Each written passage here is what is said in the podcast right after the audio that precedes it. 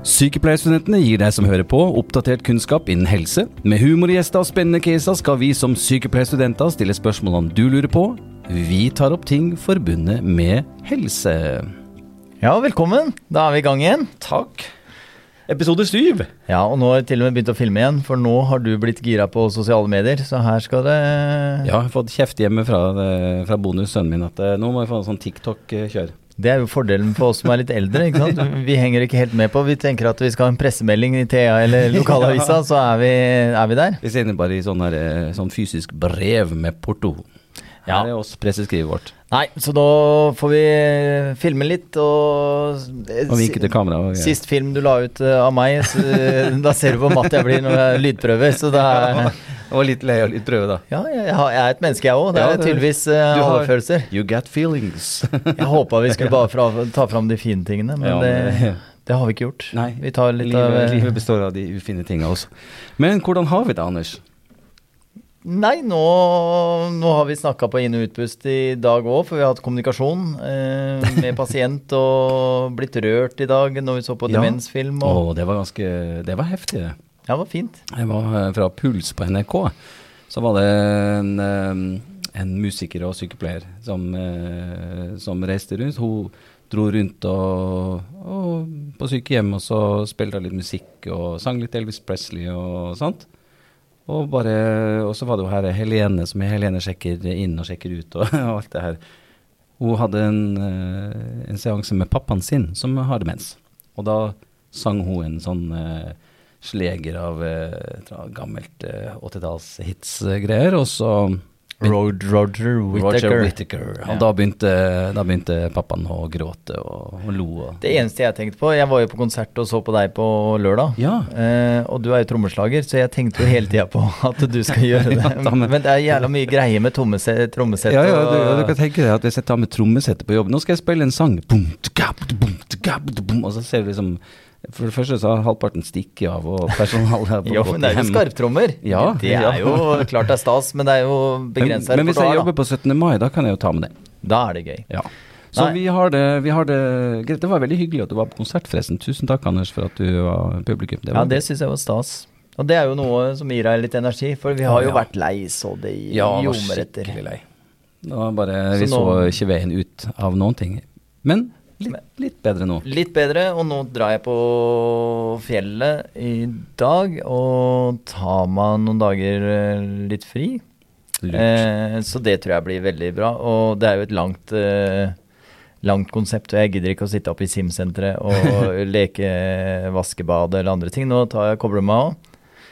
Og så kommer jeg tilbake med en motivasjon som er altså langt over forventet. Det er veldig bra. Da får du um, hjelpe meg til å holde trykket oppe også når du er tilbake. Eh, En, en ting som eh, forresten holder eh, mitt trykk oppe og min motivasjon, er jo at jeg var inne og sjekka på Akast, og så sto det at vi hadde passert 780 avspillinger av episodene våre så langt. Ja, det er rått. Det er rått. Det vil si at uh, første episode så trodde vi at ingen kom til å høre på, kanskje. Nei, jeg tenkte at eh, i begynnelsen her er det bare å spille på, og så, så er det vel to-tre stykker da som Ja, så eh, litt sånn Det er liksom uh... Nei da, vi har fått spørsmål, og, så vi må si tusen takk til alle som lytter. Og, og det er jo litt morsomt, for jeg var inne og sjekka litt, og vi har jo faktisk lyttere rundt om i verden. Vi har uh, majoriteten uh, i Norge. Vi har eh, faktisk eh, ni eh, avspillinger fra USA. Fire fra Australia, fire i Belgia, fire i Mongolia, tre i Italia, to i Spania, og, og faktisk en i Canada også. Men det betyr jo at vi må ta en runde på om vi skal da begynne på engelsk. Det er det du prøver yes, å legge We have to talk uh, Hola, señoras, uh, senoritas. Uh, Vi vi kommer til å lage flere episoder. mange språk med sånne simultane oversetninger. Men husk, følg oss på Spotify. Gå inn på abonner eller følg oss, og gå gjerne inn og rate uh, podkasten med fem stjerner, gjerne, eller fire eller fem.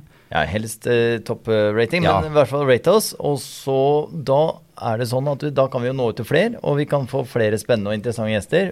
Yes. Eh, og det har jo ikke vært noe problem ennå med gjestene, men eh, jo større impact vi har, jo flere vi når ut til, jo mer eh, verdifull informasjon kan vi dele. Ja visst. Og følg oss på Insta. Vi har jo fått eh, var det 111 følgere på Instagrammen vår nå. og Den URL-en din ligger i Spotify på, og sånn, men du kan jo selvfølgelig finne på Apple Podkast og alt mulig. Og så skal vi jo lage en eh, strategi der på hva som kommer ut etter hvert, skal vi ikke det? Det er derfor Jo. vi filmer nå. ja, så det ikke kommer ut sånne alvorlige alvorlig film av, av oss. Men herligheten, nå skal vi videre. Vi har jo med oss en gjest. Vi har toppa laget i dag òg. Det er fantastisk. Så nå får du bare henge med.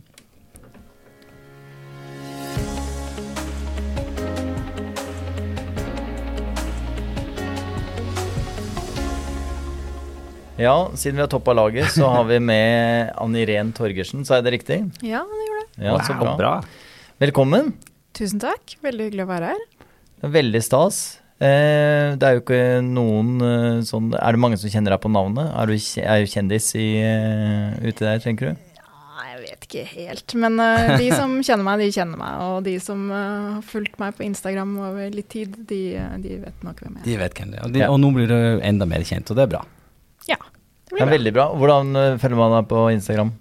Jeg, eh, jeg har bytta navn på den kontoen noen ganger, men den heter at eh, helse og teknologi med underscore mellom helse og underscore teknologi. Vi kan jo eventuelt dele den linken i Ja. uh, Det. Det kan vi høres fornuftig ut. Ja, så bra. Nei, men så bra. Hvilken, uh, men da kan du introdusere deg sånn kort, da, ved utdanning og erfaring og Ja. Um, Ann Irén er 36 år. Um, har vært sykepleier siden 2013, så 11 år. Jeg fikk faktisk opp et sånn eh, tilbakeblikk på Facebook i dag om eh, at jeg skulle ut i første praksis for Oi. nøyaktig 11 år siden. Da. Oi, oi, oi, Du er jo der hvor vi er nå. Ja, Ja, ja, ja. Så det er bra. Det er Så veldig kult. kult. Eh, så eh, var ferdig utdanna i 2013, ja. Og så eh, Det var på Universitetet i Agder i Grimstad. Ja. Og så flytta jeg til Larvik og fikk meg jobb på sykehuset i Vestfold. Mm. Eh, og jeg har jobba der siden, egentlig. Eh, frem til da eh, 2022. Eh, 1. januar 2022. Ja. Fikk, du fikk med deg covid, eh, Jeg fikk med meg covid. Ja. Mm. Kjente det Kjente det på, på på herligheten. Hvilke avdelinger er du har jobba i da på sykehuset? Da begynte jeg først på lungeavdelingen, eh, og så gikk jeg videre til akuttmottaket.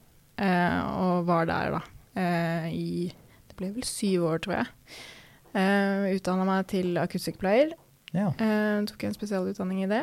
Ja. Og ble fagutvikler i akuttmottaket. Og så eh, ja, bidro med det faglige, opplæring av nyansatte og faglig utvikling. Jøss. Mm. Og nå jobber du med teknologi. Yes. Hva skjedde? Ja, hva skjedde? det er det mange som har spurt meg om. Ja. Eh, nei, um, jeg har alltid hatt en interesse for teknologi.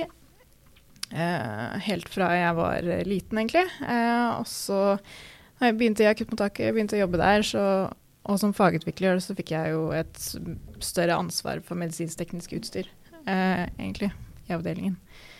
Og hadde ansvaret for å følge opp det, at det fungerte som det skulle, og opplæring i tek teknologien, da. Hvilken type utstyr snakker vi om da? Overvåkningsutstyr, EKG-apparat, eh, monitorering, kontinuerlig overvåking. Ja. Sånne type ting, da. Um, så da Vi har jo ikke vært borti alle de tingene. Telemetri og alt sånn. Vi har Veldig ikke lært av det nå. teknisk, men uh, dere kommer til å lære dere det. Vi Altså. kommer til å lære det. Ja. Ja. Det, det er veldig eh, gøy å nerde på sånne ting. Ja, ja, ja. Kjempegøy. Jeg har jo noen eh, Jeg har jo sagt det før, jeg spilte på Ritu-revyen i Tromsø, og han som spilte gitar, Pål Reidar, han uh, jobba på telemedisin. Så Ja. Tromsø var jo ganske tidlig med å kjøre sånn fjernoperasjon eh, via kamera, da. Mm. Ja. Via tele... Altså sånn dårlig sikkert sånn derre modem Nei. du, du, du, du, tror du det? du, du, du, du, du. Jo. Hjerteoperasjon på modem. Ja, bare, nå frøys bildet litt, bare vent litt. Bare, Vent litt. Opp, opp, der kom det tilbake. Eh, nei, så det, det eskalerte egentlig derfra. Eh, også i pandemien så ble det jo veldig stort fokus på bruk av helseteknologi, og det skøyt litt fart av den utviklingen under pandemien. Mm. Jeg merka det sjøl også i akuttmottaket, at det var et større press på å ta i bruk ny teknologi for å eh, lette arbeidsmengden, eh, gjøre det enklere å få oversikt over alle pasientene, og ja, diverse. Mm. Um, så da tenkte jeg at uh, hvis det er det her jeg vil, jobbe med, så må jeg gjøre det nå. Så da, da det. begynte jeg å søke jobber rundt det. Mm. Smart. Og det, det var jo Jeg tror det er lurt å jobbe med teknologi når du fortsatt er 30 år og syns det er gøy.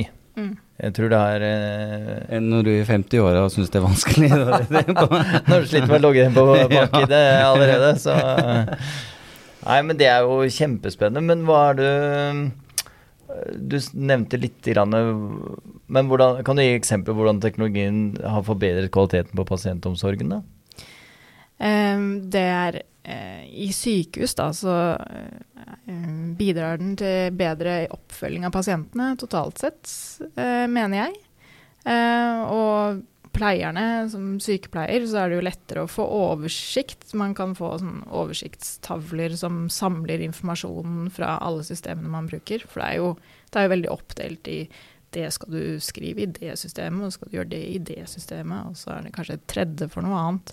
Mm. Så, eh, så samle all informasjonen i ett system og presenterer det ut da, til pleierne eller pasientene, kanskje også i noen tilfeller, jeg vet ikke.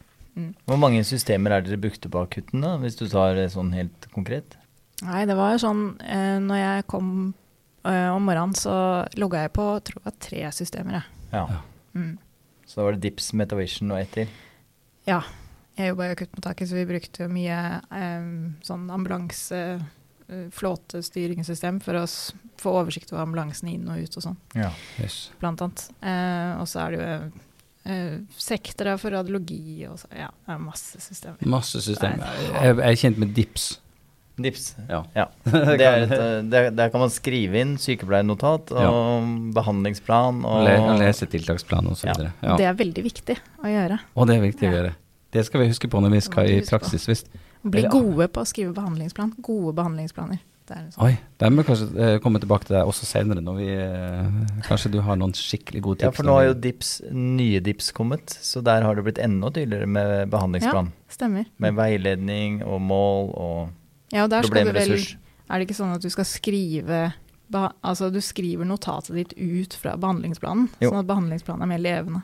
Så hvis du har problemressurs, uh, f.eks. et problem da er eh, brrr, Husker jeg ikke noe, men si lungebetennelse, da. Det heter jo ikke det i sykepleien. Det er pneumomi. Pneumomi. Eh, og da i hvert fall så kan du skrive det er et problem, og så er eh, tiltak er jo da f.eks. Uh, O2. da. Og så er målet god eh, respirasjon, Mm. f.eks. Mm. Og da skriver du hvis det har vært noe endring, f.eks. Uh, metningen har falt, eller noe har skjedd, eller du har måttet gjort noe tiltak, Mm. så skriver du det problemressurs, og så skriver du notat, og så er- kommer det opp på akkurat den bolken. Fantastisk. Der har vi jo en medstudent, det var Truls, eh, som snakka om det. For det er vel eh, om det som Visma-system, som profil, Mm. som de bruker på forskjellige både sykehjem og, og andre rehabiliteringssentre og sånn. Og da sa han at eh, nei, altså hvis, hvis tiltaket er uendra, hvis det ikke har skjedd noe, da skriver du ingenting. For da er det bare Mm. as normal.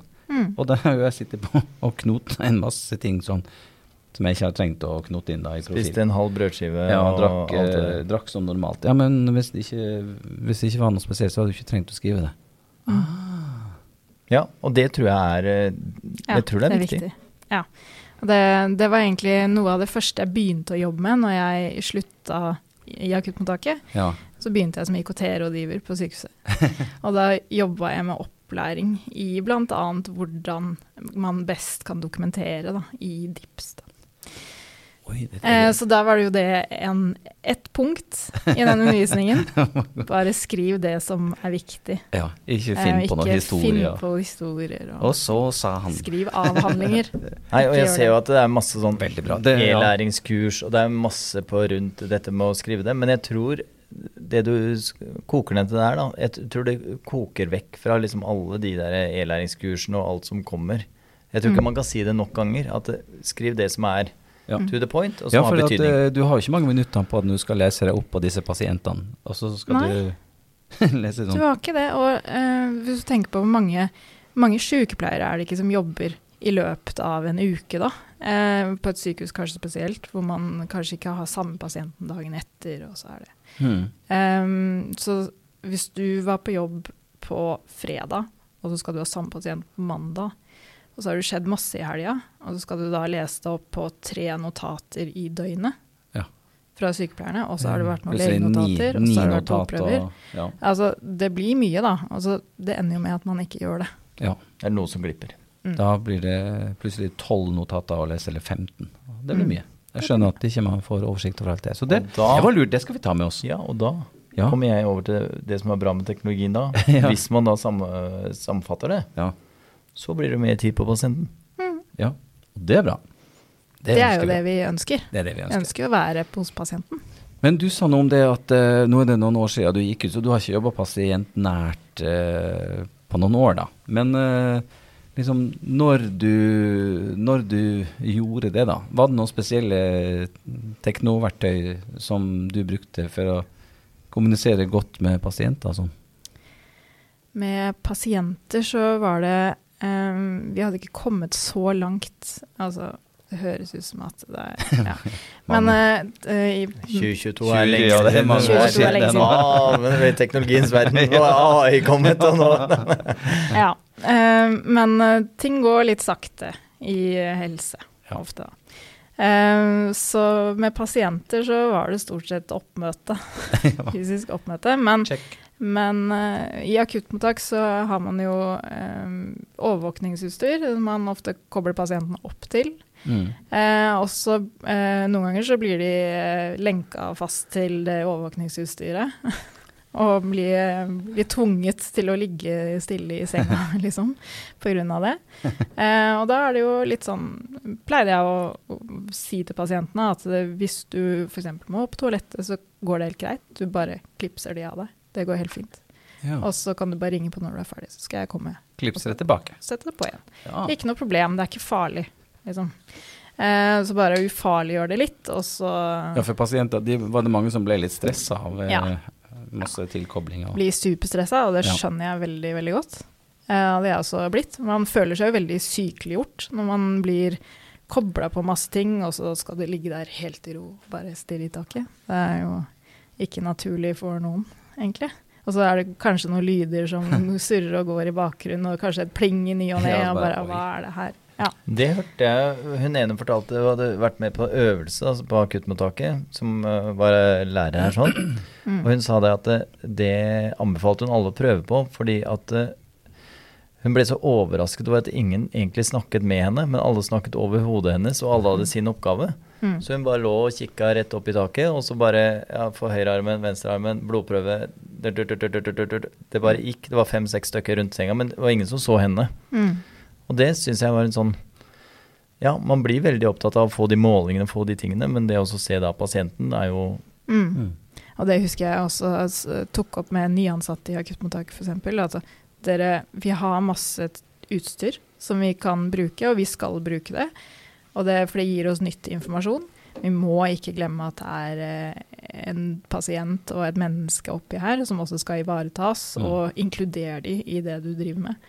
Eh, ikke bare rush inn og få tatt de målingene, men inkludere pasienten i det hvis det er mulig, og informere underveis. Altså, og hvis de må være kobla til en monitor over tid, og du ikke er der, så eh, si, eh, si fra om at det er ikke farlig hvis sånn og sånn, eller jeg har det kobla til deg fordi sånn og sånn, eller ja. Ja.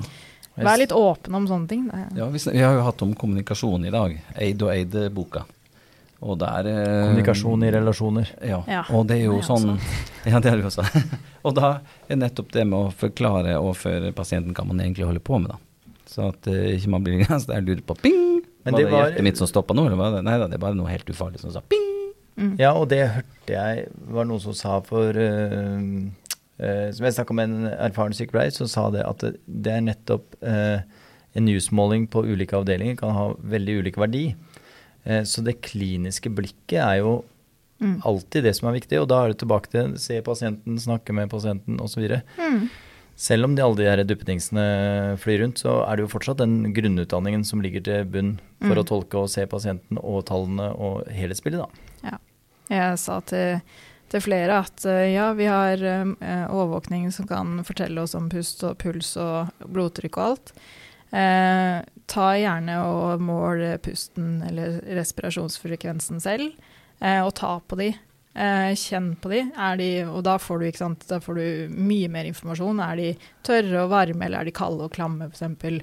Ja, Er de ja, eh, Åssen ser huden ut? Altså alle de tingene. Da du får mye mer ut av den observasjonen enn å bare koble på de masse utstyr, og så bare stå og skrive ned det som står på overvåkninga. Mm. Det blir mye mer riktig og sånn. Det er jo det som alle, når de hører teknologi og helse, så er det er jo det de tenker. Mm. Det er jo snart så kommer en robot inn på akuttmottaket, kobler deg på, og så, er, så sitter bare sykepleierne bak i noen skjermer. Spis kake og fyrstekake og sånn. Og vi er jo ikke der. Nei, vi er ikke det.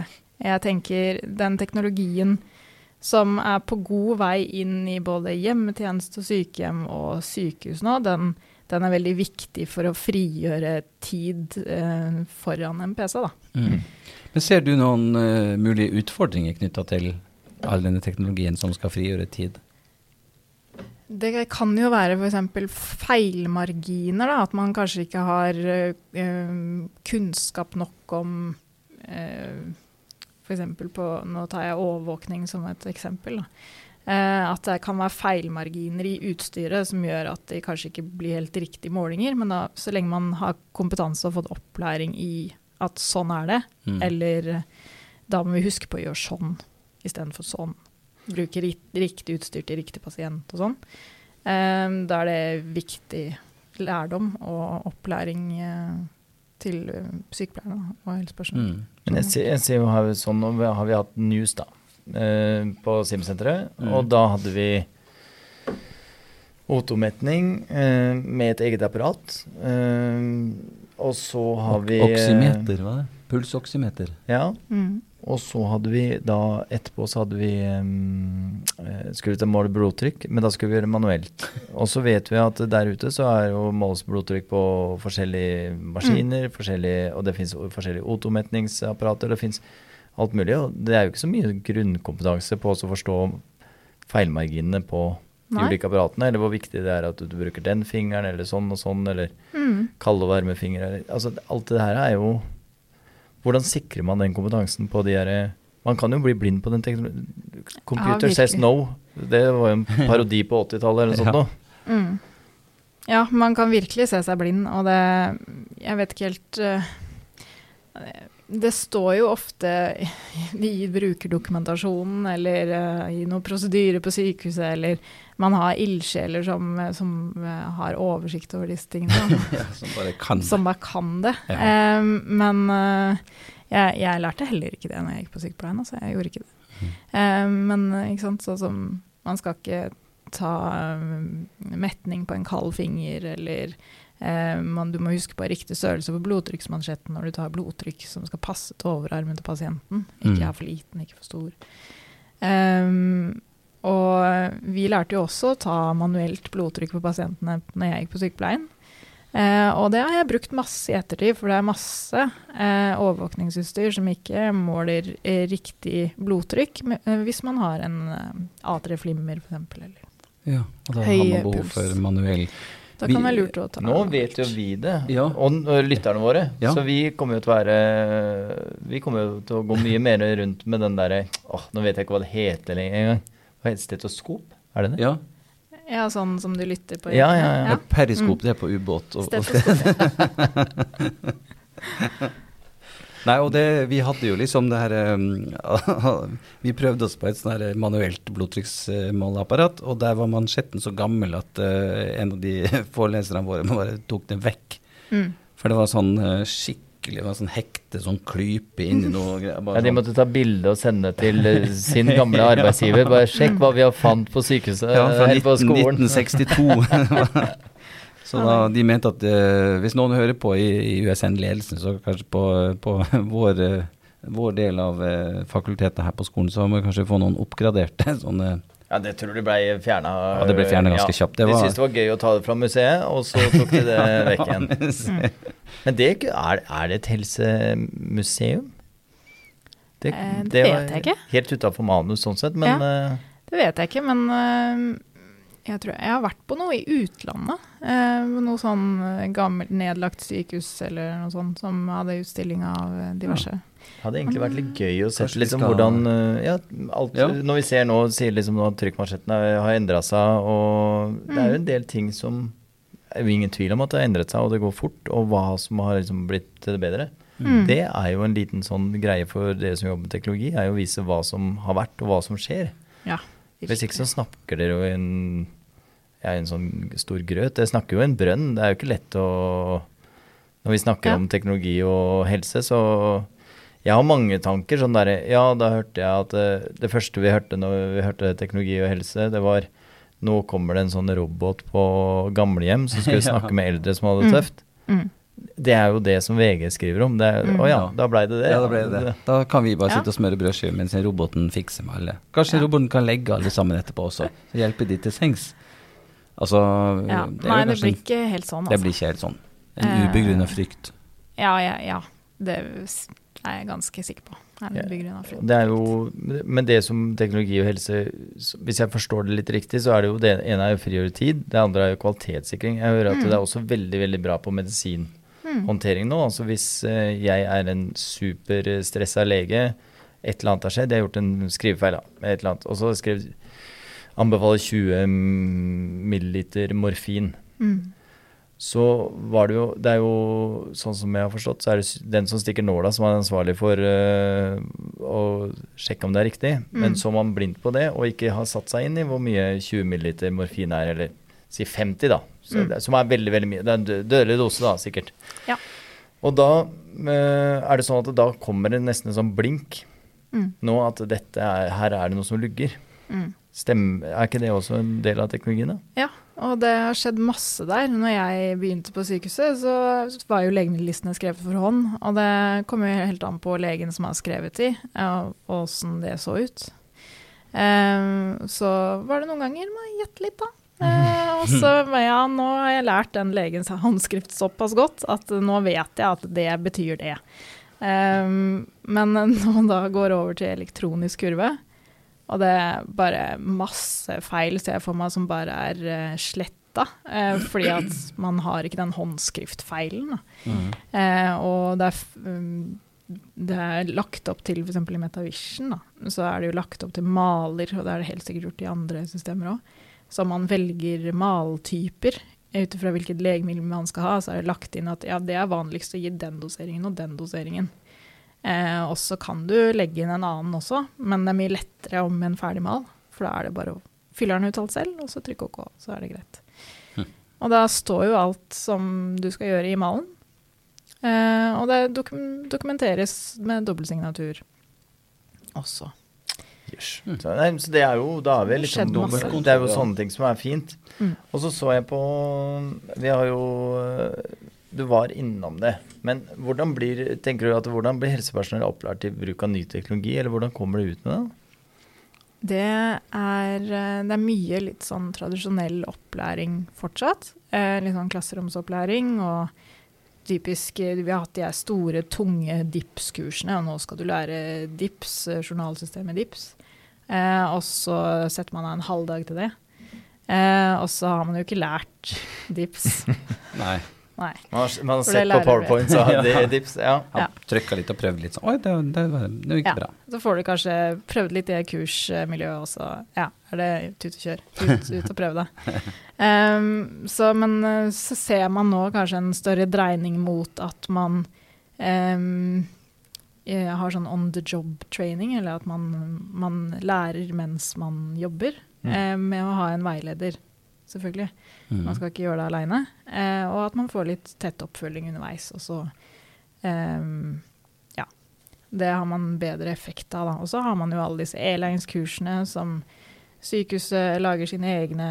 Eh, det gjør de helt sikkert i, i kommunehelsetjenesten også. Mm. Og så er det en- liksom del én av opplæringen i de fleste systemer. Og så er mitt ønske da at flere og flere av disse systemene skal bli så intuitive at eh, man nesten ikke trenger opplæring. At det blir mer selvsagt hvordan man skal bruke applikasjonene. Sånn selvforklarende og selv eh, Men det er jo ikke alt eh, som kan bli sånn. Men for eksempel ehm, hvis man skal ha helsepersonell til å bruke mobil på sykehus De bruker jo ikke mobil noe særlig på sykehus foreløpig, for det er ikke lagd noe særlig med apper. For Mm. eksempel, du har ikke Dips-app enda, men den kommer jo. Den er jo på Nordlandssykehuset. Og det kommer flere sånne apper. Eh, og det, det kan kanskje være litt mer selvforklarende når det er på mobil. Fordi at de fleste av oss er ganske vant til å bruke mobil i hverdagen med apper og hvordan man håndterer det. Ja, for, for der er det nok en liten forskjell. Vi, vi følger på Insta det er en, eh, en lege fra Polen, eh, Helse i Norge. Eh, og hun liksom hadde en sånn liten videosnutt hvor hun står med en mobiltelefon og bare sier wow! Vi har altså mobiltelefon. Mens eh, i Polen, da, der hun jobba eh, og jobber, så var det nesten sånn at det var kanskje en portør eller altså noen få eh, sånne nøkkelpersoner som hadde mobiltelefon. Mens hun sier Sykehuset i Norge så har jo alle har muligheten til å ha mobil både kommunisere, få tak i hverandre kjapt osv. Så, videre. Så så altså man skulle ikke tro at det var liksom sånn helseteknologifortrinn, men så er det jo egentlig det, da. Vi, vi er litt lengre foran enn veldig mange andre land vi kan kanskje sammenligne oss med. da. Mm, absolutt. Og det, bare det å få mobil inn på sykehusene tror jeg kan lette en del arbeid for de som jobber eh, som helsepersonell. For det er bare det at du skal slippe å gå til den PC-stasjonen for Ja. å skrive.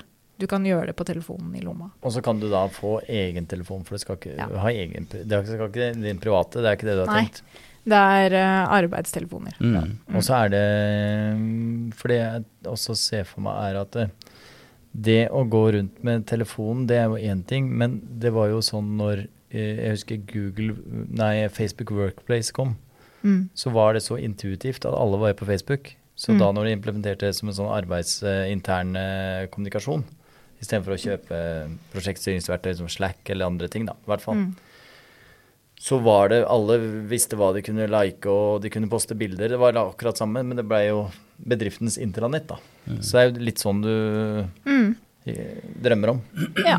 Og det, ja, det er jo flere grader av det der, og hva man skal putte inn. Det er jo sånn, litt sånn etisk. Hva skal man, hva skal man uh, ha på telefonen sånn og ikke også? Og litt sånn personvern og datasikkerhet inn i det også.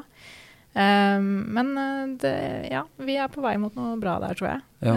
Um, Et Ja. eh, spørsmål vi kan følge opp med, er jo hvordan håndtere en personvern og datasikkerhet i forbindelse med bruk av teknologi da, i helsevesenet vårt. Det er veldig stort fokus på det i uh, helsevesenet, vet jeg. Mm. Um, og det er jo ikke uten grunn. Uh, og det, er- det er veldig, veldig bra, uh, og det skal vi fortsette med. For det er jo helsedata, og det er kanskje noe av det mest alvorlige. vi- Det ble jo hacka for litt siden, var det ikke en stor greie på det? Stemmer det. Det er ja, et, år, et år siden eller noe Ja. Ja. Mm. Enormt med pasientopplysninger som røyk ut. Så det, det er mye som må gjøres der. der. ja. Mm. Og jeg vet, nå jobber jo jeg i en privat bedrift, og vi har stort fokus på det. Uh, og det skal man ha, det bør det alle ha. Det er jeg helt sikker på at de har også. Og sykehusene også har uh, mer og mer fokus på det. Uh, fordi at man, man kobler sammen utstyr og, og løsninger, digitale løsninger på tvers. Og samspill, ja. Alt Ja, de med sn- de samspill og liksom, hvordan de ja. skal samsnakke og alt det der. Og så er det veldig sånn tydelig, jeg husker i hvert fall på sånn introkurs fra informasjonssikkerhetsmannen, når du kommer på sykehuset eller i kommunehelsetjenesten, så sier de veldig tydelig at det, det du gjør inne på det programmet her, det blir monitorert, og du må ha en grunn til hvorfor du går på Ja, de forskjellige. sant. Ja. Ja, for det har jeg opplevd i DIPS, at uh, plutselig så gikk jeg inn på en journal eh, til en pasient uh, på en avdeling jeg egentlig ikke skulle vært på, da. Ja. Og da måtte jeg inn og legge en sånn gul lapp, eller bare skrive at jeg har vært her ved en feil, og sånn og sånn, mitt navn er sånn og sånn, og min ID. Ja. Sånn i tilfelle det skulle bli noe tull etterpå, så har jeg i hvert fall skrevet at jo, jeg var der, men det var, det var ikke meninga å gå inn, jeg bare trykka litt feil. feil. Ja. De hadde likt navn, ikke sant. Så havna jeg inn på feil journal. Ja, og det er jo fordelen og ulempen med Det er jo det som er, det er jo Mennesker er jo en del av datasikkerheten og litt sånne ting, men det er i hvert fall blitt bedre, da, Ja. tenker jeg. Absolutt. Ja, Mye det, er bedre. det har jo vært litt sånn eh, Det var jo en sak, det var vel også i fjor eller forfjor, med sånn datasnoking. Altså Ja. hvor noen hadde gått inn og sett på eh, medlemmer av eh, om det var familie, eller i hvert fall de har sett på noen som var litt nære, da. Mm. Og, og lest journaler og sånt. Du har ikke lov til å gjøre det på deg selv lenger, Nei. Det er ikke det? Nei. for du er ikke behandler. Så du har ikke lov Nei, til å ikke gå sant. inn på din egen selv om du er innlagt på sykehus, fordi at du har ikke behandler. Mm. Selv om det virker jo enormt fristende hvis jeg hadde ligget der og kava. Altså, man har jo What, had they, Oi, about me? Ja, hva skjer? Har jeg fått noe? Og så bare Ja, det kommer en lege snart. Så bare Ja, jeg vet jo, hvis jeg bare går inn og så ja, det ser. jeg leste akkurat det stedet. Kommer mm. noen Men, klokka men det er fordi Ja. at man ikke Det ene er man er ikke behandler, man kan, er ikke gitt at man kan tolke alle ting osv. Så, videre, og så, videre. så Mm. et, det er veldig Jeg syns det har blitt veldig fint, i hvert fall på den brukerbiten. Mm. Og så er det det som er på skya og de andre tingene som, Ja da. som det sikkert er veldig, veldig høyt nivå på nå. Ja. Ja. Det var jo sånn eh, for mange år tilbake, du husker det kanskje Anders, men det var jo i, i det de gikk ifra sånne type sånne hullkortinformasjon, Mm. så ble det dumpa på søppelfyllinga. Og folk bare Oi, jeg fant jo pasien- pasientjournaler bare lå og fløyt i kilosvis på søppelfyllingen. Ja, det var jo Og så var det medisinsk utstyr som de hadde Ja. også kasta Mm. ja. Ja, Men det, det det trenger vi ikke å tenke på lenger. Fremtiden er her. Den tar, eh, tar alle sånne ting. Ja. Men, Men eh, før vi tar et spørsmål eh, her, Anders, jeg bare lurer på eh, for, Helt konkret, hva er det du gjør i jobben din, da? Innenfor helse og teknologi? Nei. Eh, nå så jobber jeg som klinisk applikasjonsspesialist, er eh, tittelen min, da. Eh, Klinisk applikasjonsspesialist. høy- høy lønn, Ja, høy lønn. høy lønn. det, det vil vi også bli. Ja. Ja. Men det jeg gjør, da, er egentlig å um, sette opp um, Jeg konfigurerer opp eh, informasjonstavler, em, blant annet, for kunden. Altså kunden kan være en kommunehelsetjeneste eller eh, sykehus. Mm. Eh, også som de kan bruke eh, for å få oversikt over pasientene på sin avdeling. Du lager Eh, et dashbord, på en måte? på en måte et dashbord. Og så er det jeg da, som er bindeleddet mellom klinikken og eh, oss utviklerne og oss konfigurerer, da. Ja. Um, I oppsettet av den løsningen.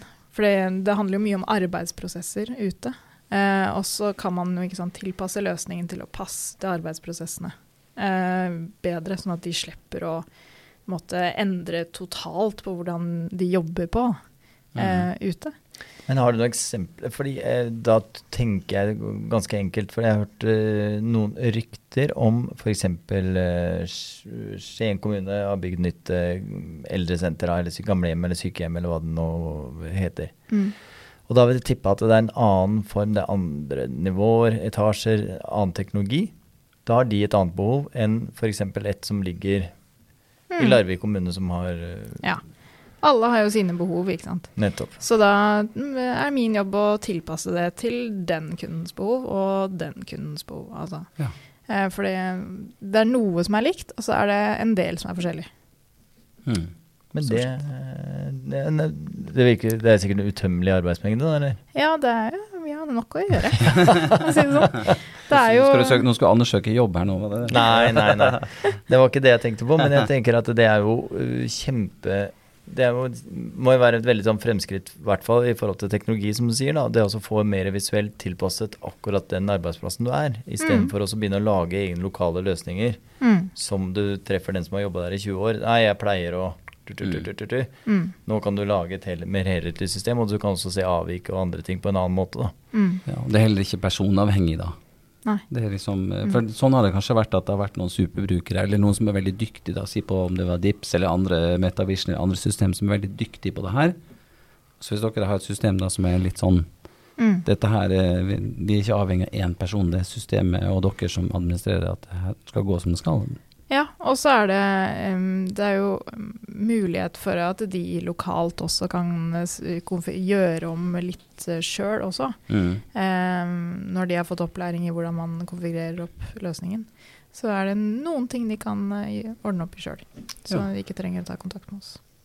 Ja, men Så bra. Jeg bare, før vi skal gå over til en case, så bare ser du noen spesifikke muligheter eller trender for teknologi i helsevesenet i fremtiden? Er det noe du liksom AI Og vi kan Av ikke, og vi ikke si det høyt, vet du, for at da, da er kanskje noen som snapper det opp. Ja, men jeg kan si én ting da som jeg kan ta, som Ja. jeg leste ganske fort med en gang AI kom. Ja. Mm. Så kunne AI lese røntgenbilder Mm. uhorvelig mye fortere Ja. Altså de snakker om fem minutter, så var et røntgenbilde lest.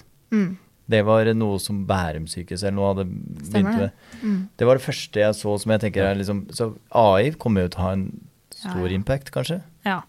Og det, det tror jeg de er inne på noe lignende innafor um, diagnostikk i noe blodprøve, sånn utstryk, uh, selvutstryk og noe sånne greier, for å diagnostisere om det er selvforandringer eller et eller annet. Jeg, jeg har bare hørt noe vagt om det. Ellers så har jeg jo sett eh, et initiativ på AR eh, slash VR-simulering eh, i akuttmottak, eller på sengepost, eller hvor det måtte være, i sykehus. Ja. Eller Mm. i hjemmetjenesten. Jeg vet jeg har hørt om noen som driver med VR innenfor seksualundervisning for rullestolbrukere og sånne ting også. Ja. Ikke sant? Så der skjer det, skjer det, det, en del. det skjer ting, da. Og robotkirurgi har jo, det har jo egentlig vært en stund, men det utvikles jo stadig. Og, det er jo flere og flere som eh, trykker det til sitt bryst. Og det er, man ser jo at pasientene har mindre komplikasjoner etter robotkirurgi enn vanlig kirurgi. Ja, og så så jeg på sykehuset Nå er jeg blitt veldig ivrig på sykehuset, men jeg så en som kjørte rundt i en uh, Bil. Nei. Han kjørte nesten rundt i et sånn eh, gressklipper med, med fjernkontroll. Og det var vask av smitterom. Ja. Så du du ja. kunne à la en robotstøvsuger som vasker ned et rom. Ja. Stemmer. Mm. Det, så det Ja, Alt, det alt som vi har sett hjemme, kommer eh, inn i en eller annen form, da. Ja. Og det er, eh, det er masse. Um, det er jo noen sykehus eh, i, i Norge som har ja, mer sånn AGV-er. Sånne robot, roboter som kjører rundt med, med mm, sterilt eh, tøy eller ja, ting fra sterilsentralen eller rent tøy eller Ja, jeg vil også si det, det var kanskje noe type fra USA, sånn matforsyning, at det kom en sånn vogn eh, som bare liksom kom susende inn på rommet, si at det var noe smitteprosedyre som eh, måtte overholdes, og så sendte de da inn en sånn robotvogn med mat Mm. til pasienten, sånn at det var ikke noe fysisk kontakt. Ja. Det her er mer sånn for logistikken på sykehuset, så vidt jeg har skjønt. Da. Men de, de treffer du på i gangen, og de er ganske lave. Uh, lave flate, skal jeg til å si. Uh, som går rundt i korridorene på noen sykehus. Mm. Og så vet jeg, og det måtte bare være sånn eh, pinligaktig, men jeg snakka med en som heter Fredrik Gullovsen i stad, som er en kompis av meg, men han driver jo noe som heter nyby.no. Mm. Og det er jo, som han skriver på Hvorfor Nyby, det er liksom eh, hvordan få tilgang til meningsfulle oppgaver eh, gjennom samarbeid i helsevesenet. Mm. Frigjøre mer tid og kunne da eh, Ja, ved å bruke frivillige inn for å eh, Ja. avløse helsefagarbeidere eller helsepersonell. Da. Det er kjempebra. Så Ja. det, jeg tror det er, det er veldig mye som nå er på vei, og han har jo vært sånn veldig tydelig. For øh, jeg husker de første foredragene så var jeg litt sånn begeistra fordi han sa eh, alle snakker om eldrebølgen som et problem. Mm. Så sa han hvordan har vi uh, rigga opp et samfunn hvor eldre er et problem, at mer mennesker er et problem? Mennesker er jo bare muligheter. Mm. Da må vi kanskje se på at systemene er feil, og så gjøre noe med det istedenfor å låse oss inn i siloer Mm. så kan vi se at mennesker har muligheter. Og da er det sånn nye tider krever nye løsninger, da. Mm. Ja. Så han eh, lager sånn Holdt på med det siden 2015. Så han eh, skal vi ta en prat med seinere. Han må vi eh, ha en prat med Det også. er bra. den får du snoke opp du også, så får du Ja, se hva det er. Vi skal sende melding nå. Han eh, kommer på poden vår, så får de, kanskje du får noen gode tips. Kanskje du kan gi han noen gode tips òg, vet du. Kanskje. Nei, men så bra. Da tror jeg vi tar en case, jeg.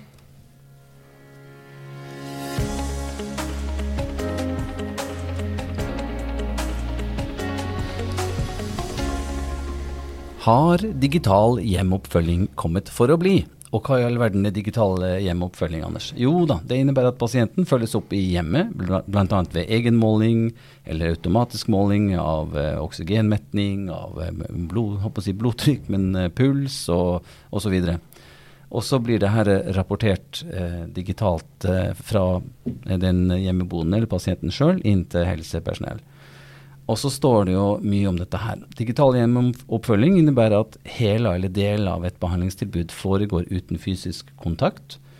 Eh, det er støtte, råd og veiledning samt rask vurdering av lege. Eh, F.eks. kan man få en innleggelse ved forverring, noe som gir trygghet og kan redusere unødig kontakt med legevakt.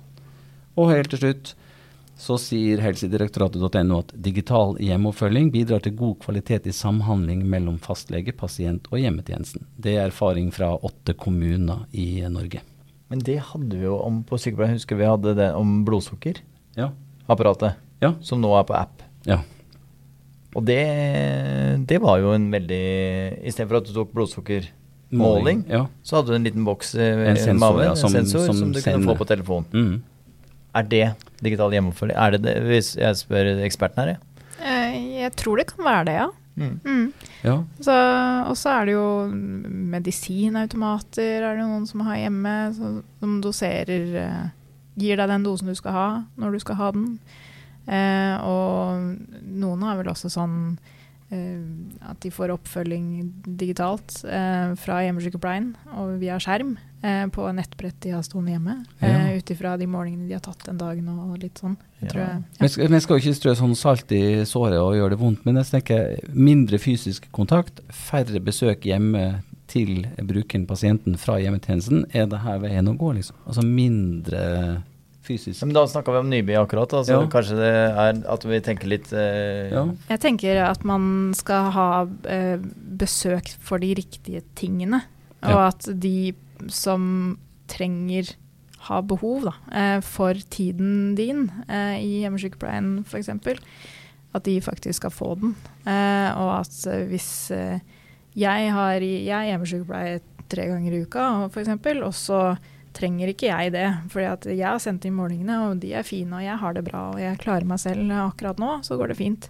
Og Mm. da trenger kanskje ikke jeg de besøkene, så kan noen andre få de. Ja, ikke sant. Så kvaliteten på besøkene i dag er jo også Det er jo en del som sier at det er litt slitsomt, for det er så Mm. korte, det er sånne ting. Så, så øh, man snakker om at pasientkontakten blir mindre, men det blir mer kvalitet i det som da gjøres, da. Så Jeg kanskje fem minutter med å være til 100 til stede og snakke. Mm. Ja, Istedenfor å få ut av disse målingene. Ja, og så Eller- har man jo da ikke sant, kanskje eh, fått de målingene på forhånd, så er man litt forberedt når man kommer dit. Og man, eh, man kan jo ja, gjøre ting ut ifra de målingene man har fått inn på, i forkant, kanskje. Mm. Uh, og ha med seg noe ekstra hvis det var det man trengte, eller ja. Jeg tror det kan være, Jeg være ble en ikke god så greie. negativ. Så med en gang jeg hørte om det, så tenkte jeg ja, dette er ikke bra. Hva tenker du nå? Uh, nei, jeg, jeg ser jo absolutt den fordelen at eh, si at du har fem eller ti minutter hjemme hos en pasient, og så kan du, som du sa Anders nå, at du bare kan eh, Nå skal vi gjøre akkurat dette og dette og dette. Vi skal prate om det her og det her, fordi at målingene dine er fine. Altså, eh, du har en eh, oksygenmetning i blodet som er fin, du har et blodsukker som er bra, du har en temperatur som er hva må jeg si, Afebril? afebril, at du ikke har feber. Afebril er et bra ord. Nei, det er jævla det lærte vi hele om det her om dagen. jeg skjønte ikke noe. Det var noen som var afibril. Jeg bare afibril, jeg har aldri hørt om. Og så måtte jeg søke om hva det var. Så var jeg, det har ikke feber. Og så tenkte jeg ja, men det er hvorfor skrive, det, hvorfor skrive afibril? Altså, det er jo helt eh, Det er jo gitt. Ikke feber. Nei da, det er afibril. Altså er febril er feber. Ja, også subfebril, er det sånn halvveis vel. Akkurat, Altså, akkurat i i skjæringa, altså. Ja. Veldig bra, Anders. Afebril. Nei, hva dere lærer her sånn. Så bra. Så vi, vi har sett på noen, eh, noen hva heter det, fordeler da, med det her. Men er det, men jeg jeg skal ikke gi meg helt på det, her, men er det noen ulemper da med digitalt utstyr? Altså digital hjemmeoppfølging. Kan det være noen ulemper? At man kanskje lener seg litt for mye på det. Man må ikke glemme, glemme det menneskelige. Da er vi tilbake, det blir sånn sovepute. Sånn, mm, det skal ikke være en sovepute, men det skal være et hjelpemiddel. Da. ja. Computeren sier at alt er bra, men det er ingen som har vært der inne på to uker. ja, kanskje, Det er kanskje på tide å ta Eh, en tur. Nettopp. Ja. Så da eh, må alltid dra eksemplene ekstremt. Men, Ja. eh, Ja. men, men det er jo kortversjonen, er at eh, man skal være glad for teknologien som kommer, men Mm. man kan ikke være helt ukritisk. Ja, så vi, eh, vi er ikke negative til digital hjemmeoppfølging i hvert fall. Det virker som flere og flere kommuner går, eh, går inn for det da, og Ja. bruker dette her som et verktøy.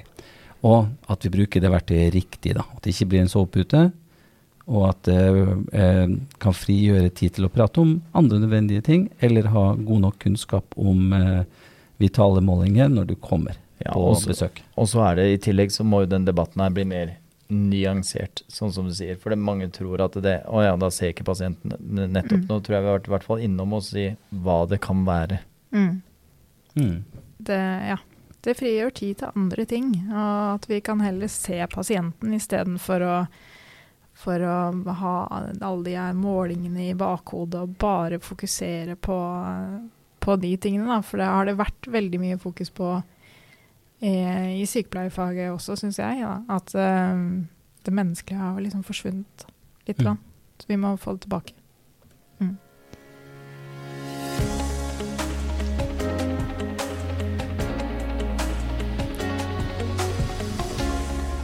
Vi har kommet til eh, neste post. Spørsmål fra våre lyttere. Og det er litt gøy, så vi har jo vi har faktisk fått eh, litt sånn ros. Vi var, fikk eh, melding fra en person.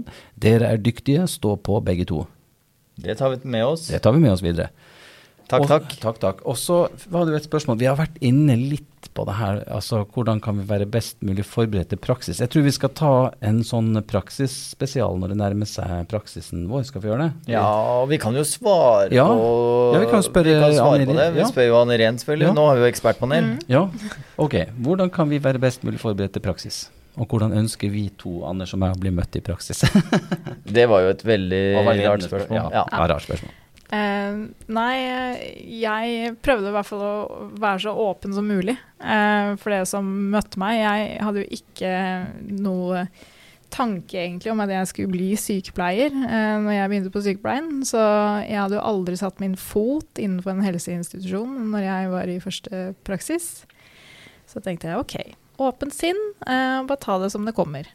Og jeg skulle da på lukket demensavdeling som første praksis. Oi. Mm.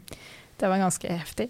Uh, For de som ikke har opplevd det, altså det kan jo være mennesker som kanskje utagerer og kaster møbler ut av vinduet og Ja. rundt i rommet og være litt uh, si, dialerisk og Ja. ut av, ut av seg sjøl. og det var det første som møtte meg Oi. når jeg kom eh, på første praksisdag. Ja, bare, hei, hei. tenkte jeg OK, ja, det blir sikkert bedre. ja, det, det kan umulig bli verre. Oi! Det var det. Og det ble veldig bra. Ja, ble. det er bra.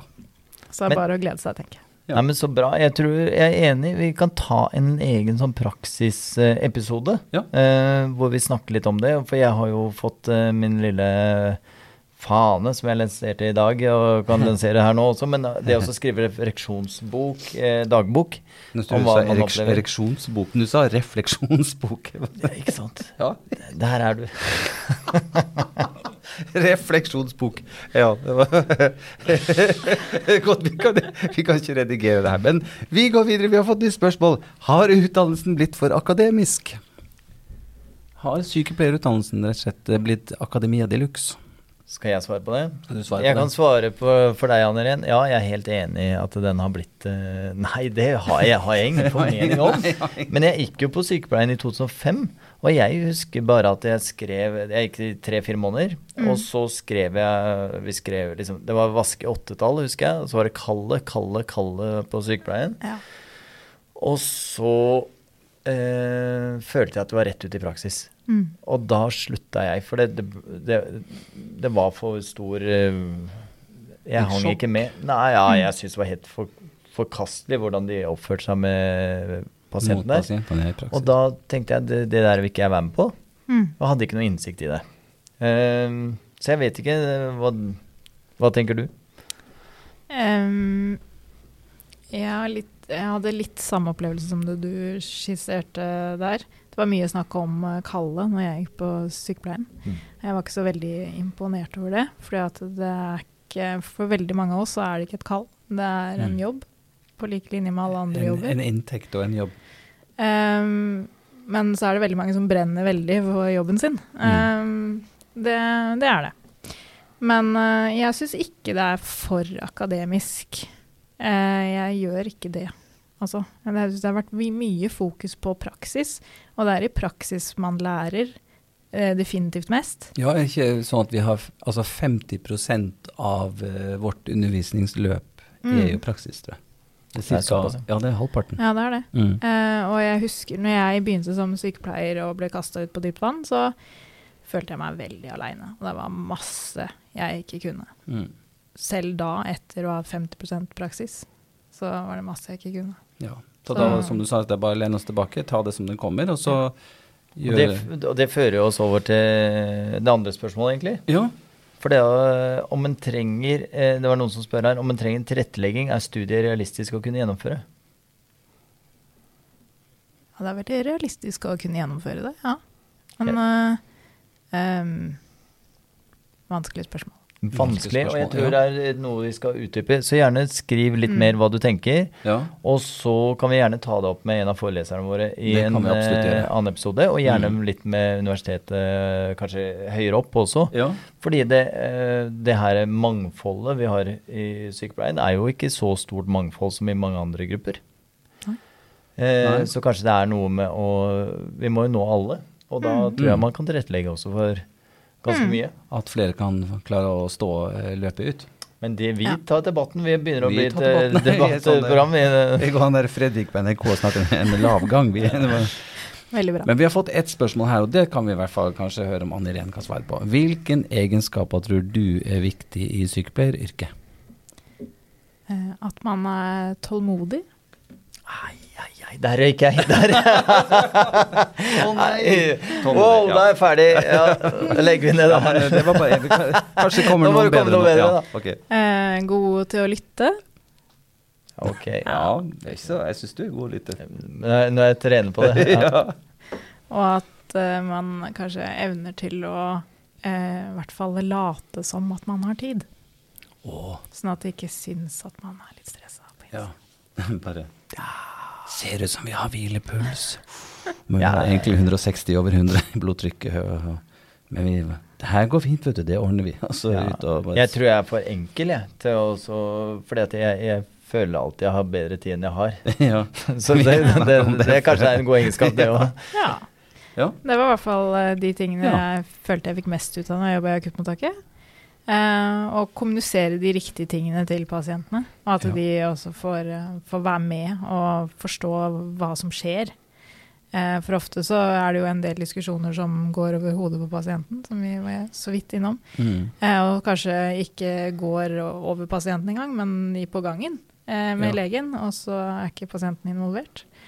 Um, og at man informerer og holder, holder de informert. Da, da Ja. tror, jeg, tror jeg alle vil få et bedre eh, arbeidsmiljø. ja. Snakke med pasienten, være tålmodig. Eh, gi uttrykk av at du har tid, selv om du kanskje ikke har tid. Og så snakke til og med pasienten. Ja. Da, da, har vi, da har vi fått noen gode Jeg håper du som har sendt spørsmål, håper at du blir fornøyd med svarene. Hvis ikke så får du bare sende spørsmål en gang til, og så får vi prøve å svare dem på, på nytt.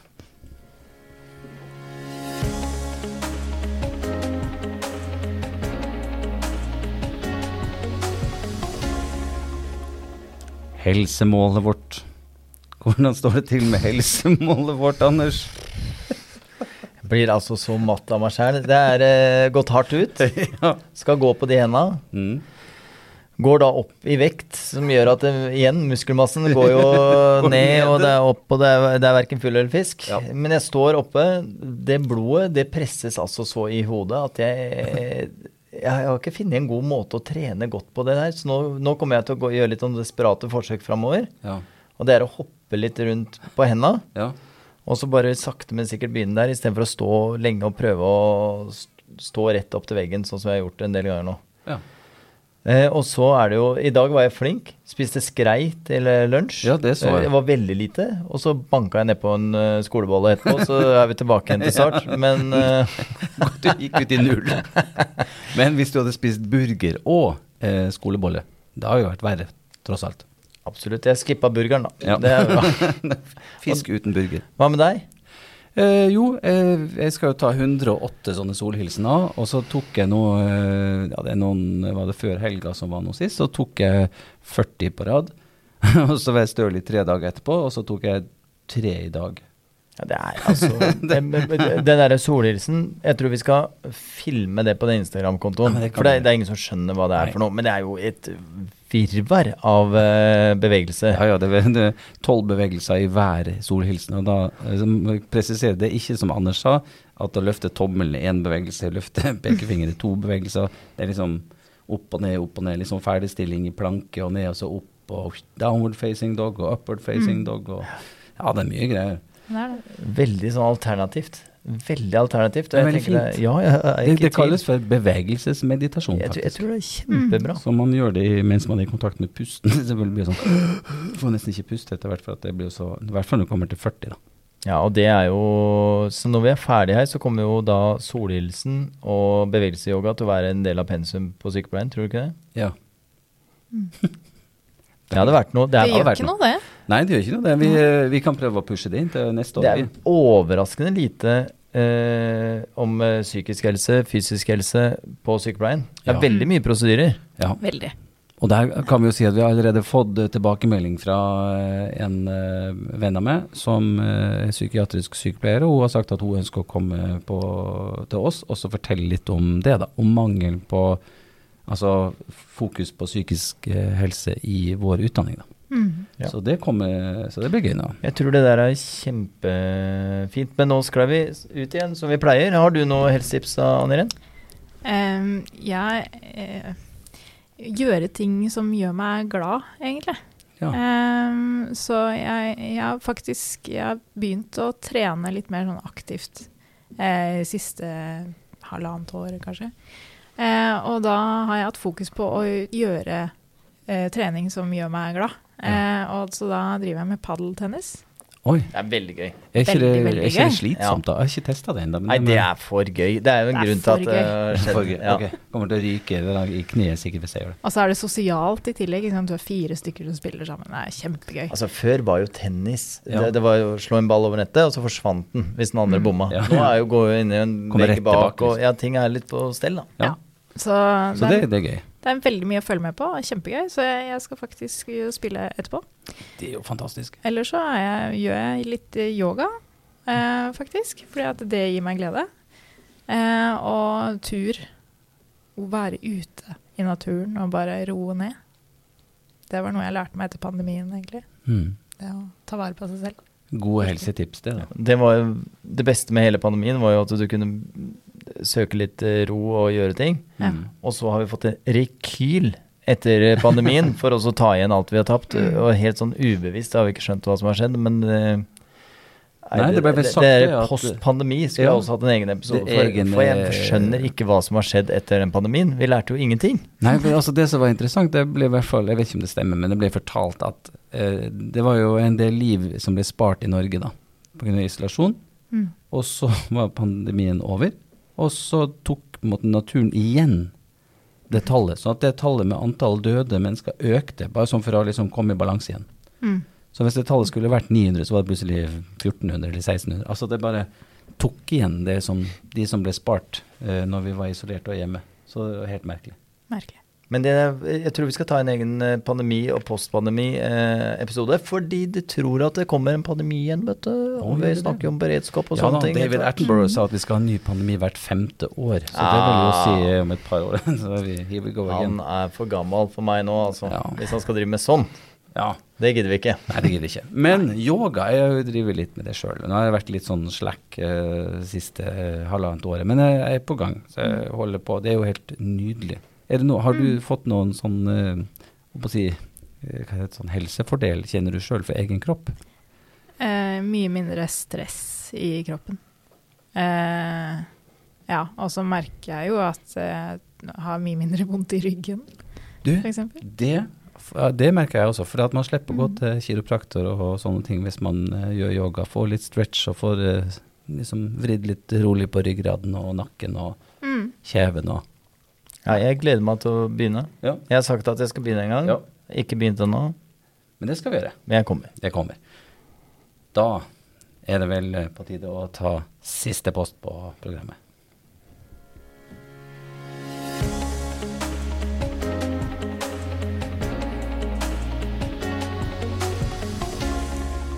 Neste episode, Anders. Hva skjer da? Nei, neste episode så skal vi prøve å holde oss innafor det vi sier at vi skal bruke av tid. Det, det, vi er jo Vi er over 38 minutter nå, men, men altså når vi har så interessant gjest, ja. så blir det jo Og vi hadde mye på hjertet i dag òg. ja, I dag var vi i gang. ja, det var godt vi ikke trykte record med en gang, for da hadde denne podden blitt over to timer lang. Det er jeg sikker på. Ja, nei, så det er bra. Men neste episode så eh, får vi besøk av to medstudenter. Mm. Eh, vi har leita etter eh, noen som eh, ja, kan stille opp, og Mm. som eh, er litt bredde i eh, de vi går sammen med. Mm. Og kanskje ta en liten sånn Vi skal snakke om studiet, og en litt sånn midtveisevaluering. Ja. Nå er vi ca. halvveis i, i løpet første studio, omtrent. Ja, og da skal de som har savnet det, skal få inn både en dame som da også er 19 år, som kommer rett fra videregående, og rett inn her, sånn at vi får litt eh, Og en som har vært i å si, skips... Uh, Vært skipsmegler, tror jeg. ja, Oi. og så plutselig blitt sykepleier. Så her er det mange muligheter. Så, Så nå er det Så det tror jeg blir fi, fin eh, bit, jeg. det blir en fin bit. Så nå skal vi gjøre litt sånn joggis. Vi skal varve ned, som de sier så fint i Sverige. Vi skal få ned turtallet vårt. Skal vi få ned pulsen vår. Og så må vi få lov å takke vår fantastiske gjest, Ann Irén Torgersen. Det var helt nydelig å ha deg her. Fått noen, eh, fått noen gode innspill både på helsetips, og vi har fått noen eh, praksistips. og Ja, og så har vi uh, fighta noen fordommer mot helseteknologi, kanskje. Ja. Mm, håper det. Oi, vi glemte én ting vi må ha glemt å si. Må- Ta det EKG-apparatet ditt. Oi, ja, det snakka vi om før vi begynte å ta opp. Ja. ja. Eh, at under pandemien så eh, var det jo en Eller det var egentlig helt i oppstarten av pandemien. Så, og jeg jobba i akuttmottaket som fagutvikler, så var det da eh, vanlig prosedyre at når vi tok et EKG, så fikk vi det ut på papir. Og så må du navne det papiret, og så må du gå med det til legen fysisk. Og så begynte vi å diskutere det litt, og hvor, eh, hvor bra er egentlig det når vi står oppe i en pandemi med smitteføring og eh, alt det bringer med seg, da. Papirer som flakser Ja, overalt. avdeling og alt mulig. Ja. Så da fikk vi Vi hadde jo EKG-apparat som hadde, som hadde funksjonalitet for trådløs overføring eh, av EKG til journalsystemet. Men det var ikke satt opp enda. Så vi hadde fått nye EKG-apparater for noen år siden, og så er det ingen som har fortalt oss at det, det, det fungerte sånn, eh, egentlig. Men det er det ingen som har satt seg bryet med å sette opp. Så da eh, tok jeg kontakt med medisinsk-teknisk avdeling på sykehuset eh, og sa at det må vi ha. For nå er vi midt i en pandemi, eh, og vi kan ikke drive og skrive ut papirene og sende de av gårde og alt det der. Eh, så da eh, tok det faktisk da, så tok det bare en uke før vi hadde det på plass. Og det er kanskje det er en veldig positiv historie, eh, for det, det er ikke så veldig mange ting kanskje innenfor teknologi og helse som går så kjapt, men det gikk fryktelig kjapt. Og det er jo nå standarden på det all, Nå er det overalt. standard. Og det er du som er Er du moderen, liksom, bak Nei, det? det er jeg nok ikke. Men uh, i hvert fall på sykehuset jeg har jobba. Du, var, du var fødselshjelper. Ja, ja, du, du hjelper til med Ja, fødsel. det, er bra. Ja, det var veldig bra. Og det er vi stolte over å ha er her i podkaststudioet hos oss. Så med det så fortsetter folk. Husk å puste inn, pust ut. Pust inn igjen, pust ut, og så gjør ting som gjør deg glad. Takk for uh, følget, Anders og Anne Irén. Du har hørt en podkast fra Sykepleierstudentene, produsert i studio på Universitetet Sørøst-Norge. Jeg heter Anders Haks. Jeg heter Rune Pedersen. Vi ønsker deg god helse.